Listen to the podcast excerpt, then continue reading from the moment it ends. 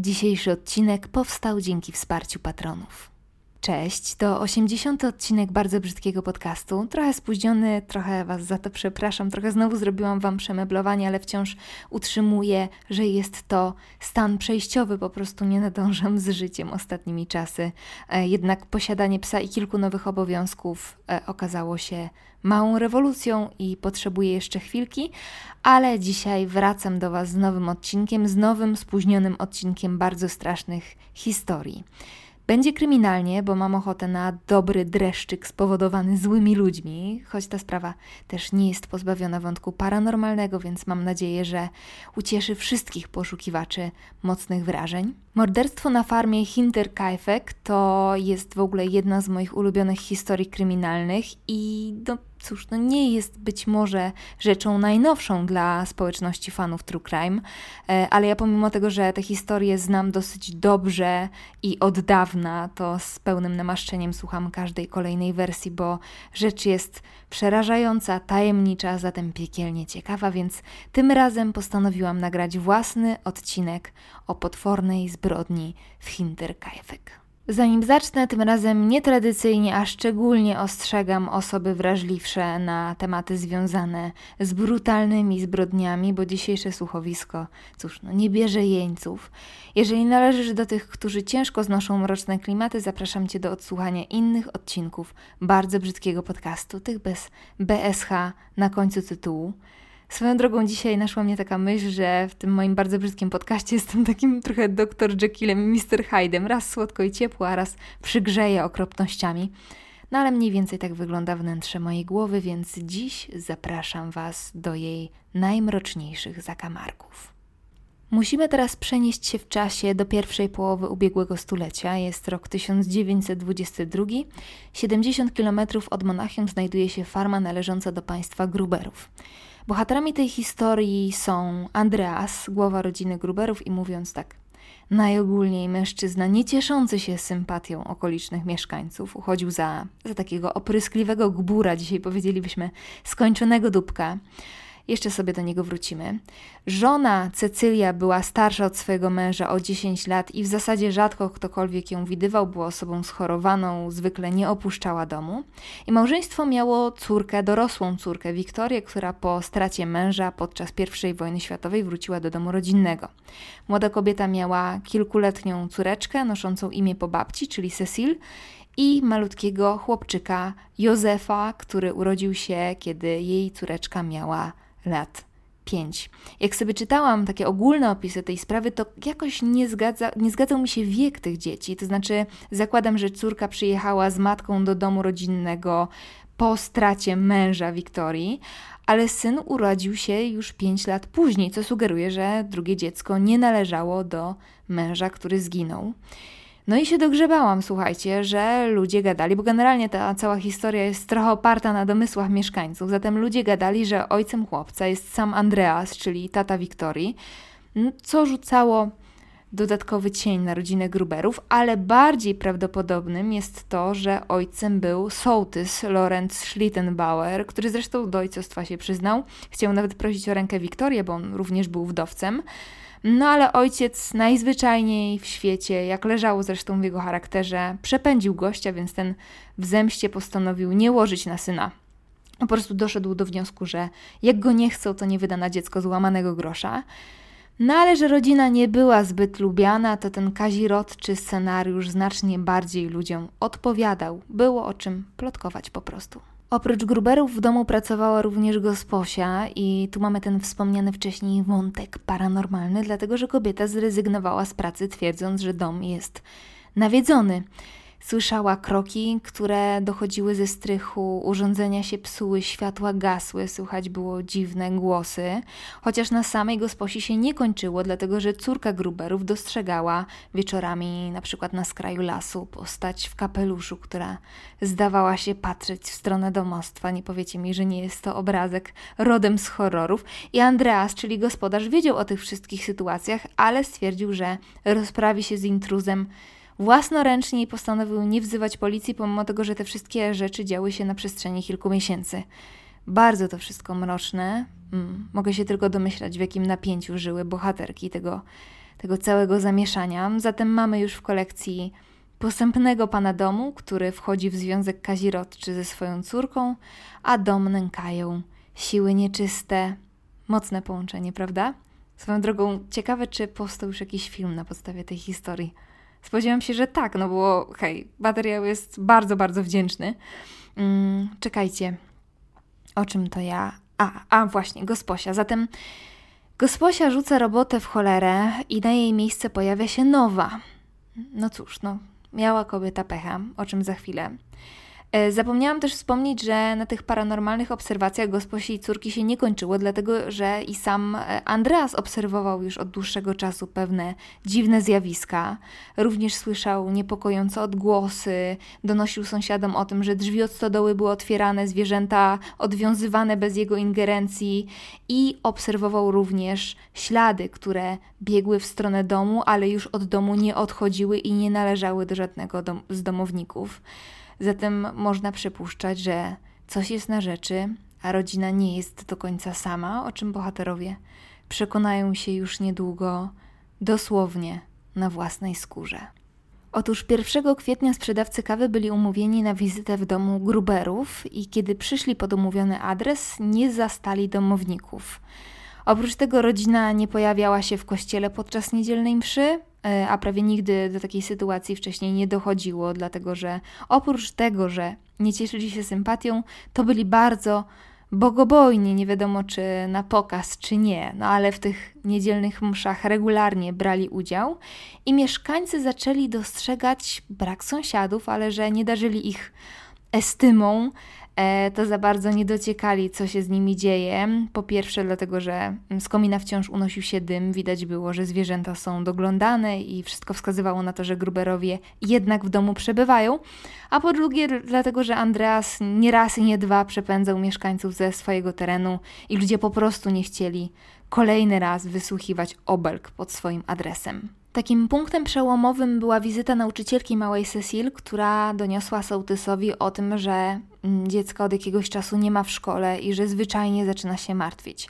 No i wiecie, być może Andreas był niesympatycznym gościem, no ale tu zaczęło chodzić o dzieci, więc ten niepokój zaczął e, powoli wzrastać. Zatem Lorenz Schlittenbauer, czyli wyżej wymieniony sołtys, postanowił posłać do gospodarstwa swoich synów, no stwierdzili, że na farmie nie ma żywego ducha. Przeszli gospodarstwo wzdłuż i wszerz, wołali, szukali, nie ma.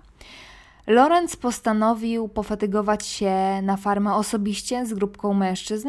No i faktycznie, tak jak mówili synowie, w całym gospodarstwie nie było absolutnie nikogo, ale taką szczególną uwagę mężczyzn zwróciły zamknięte drzwi od stodoły, bo według mieszkańców wcześniej były otwierane, czyli można było wnioskować, że jest to ślad jakiejś ludzkiej ingerencji.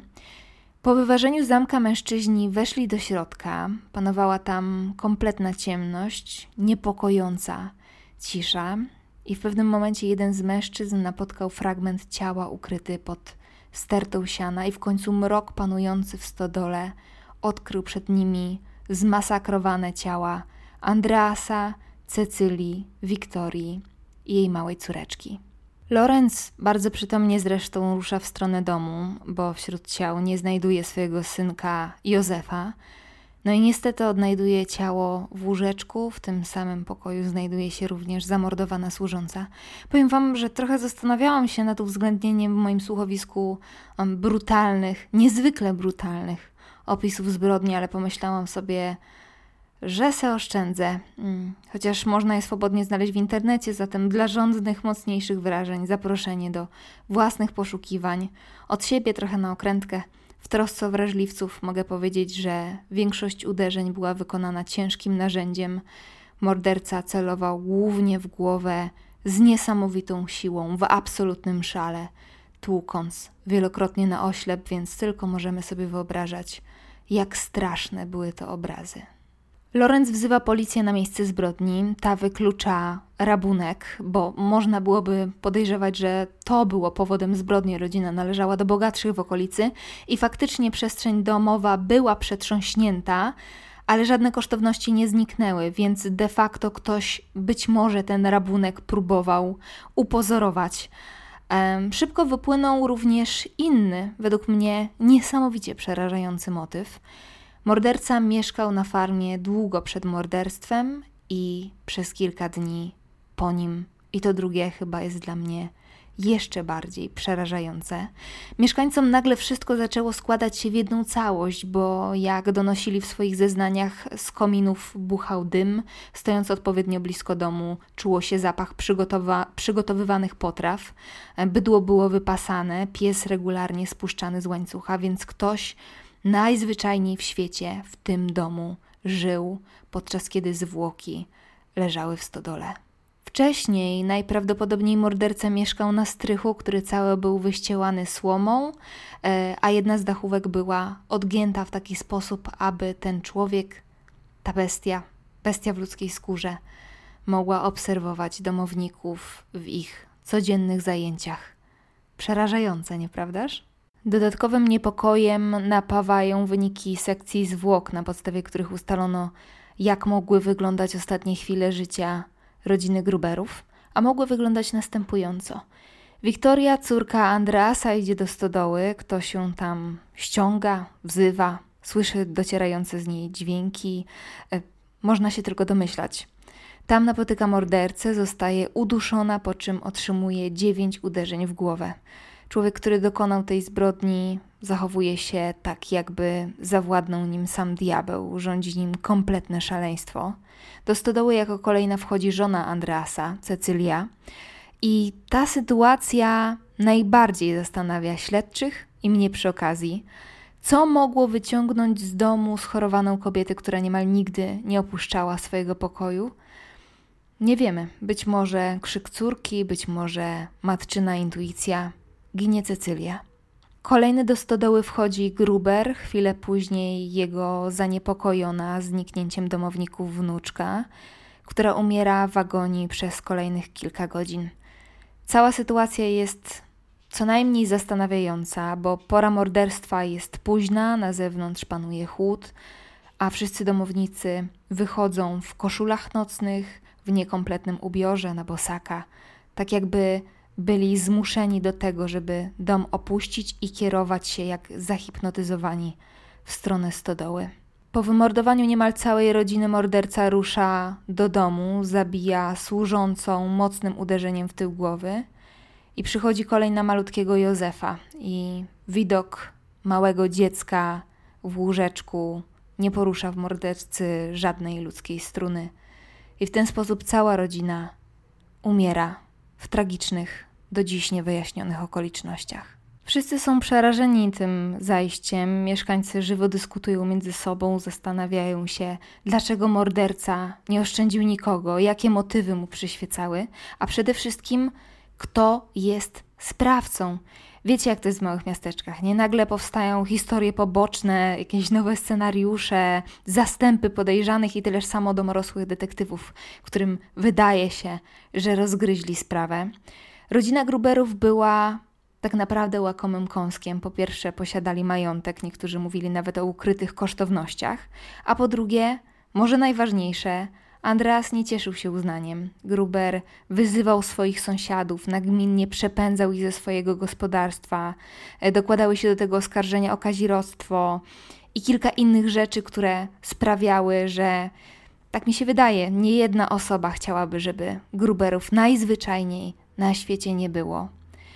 Ale mój największy niepokój budzi fakt, że sprawa do dziś uznawana jest za nierozwiązaną i została zamknięta w latach 50. Powstały takie trzy główne scenariusze, trzech głównych podejrzanych w tej całej historii.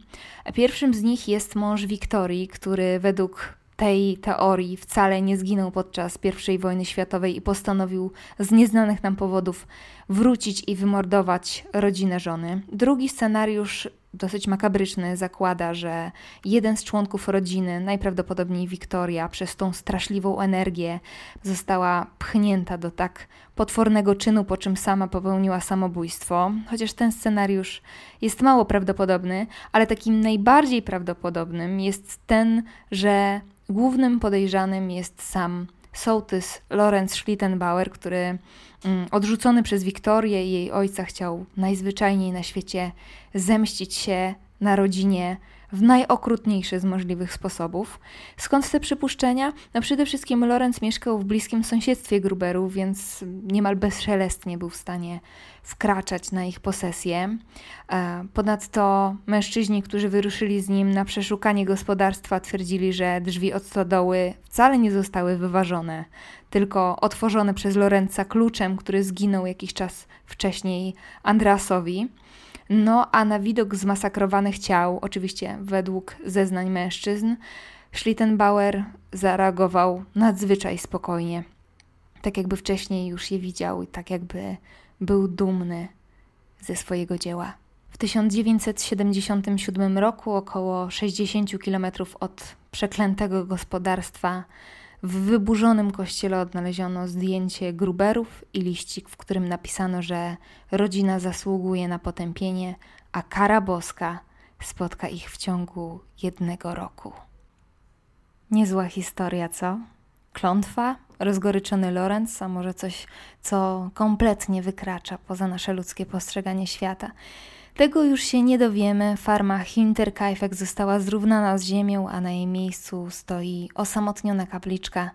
Tak naprawdę jedyny ślad pamięci po tamtym potwornym i niesamowicie tajemniczym wydarzeniu.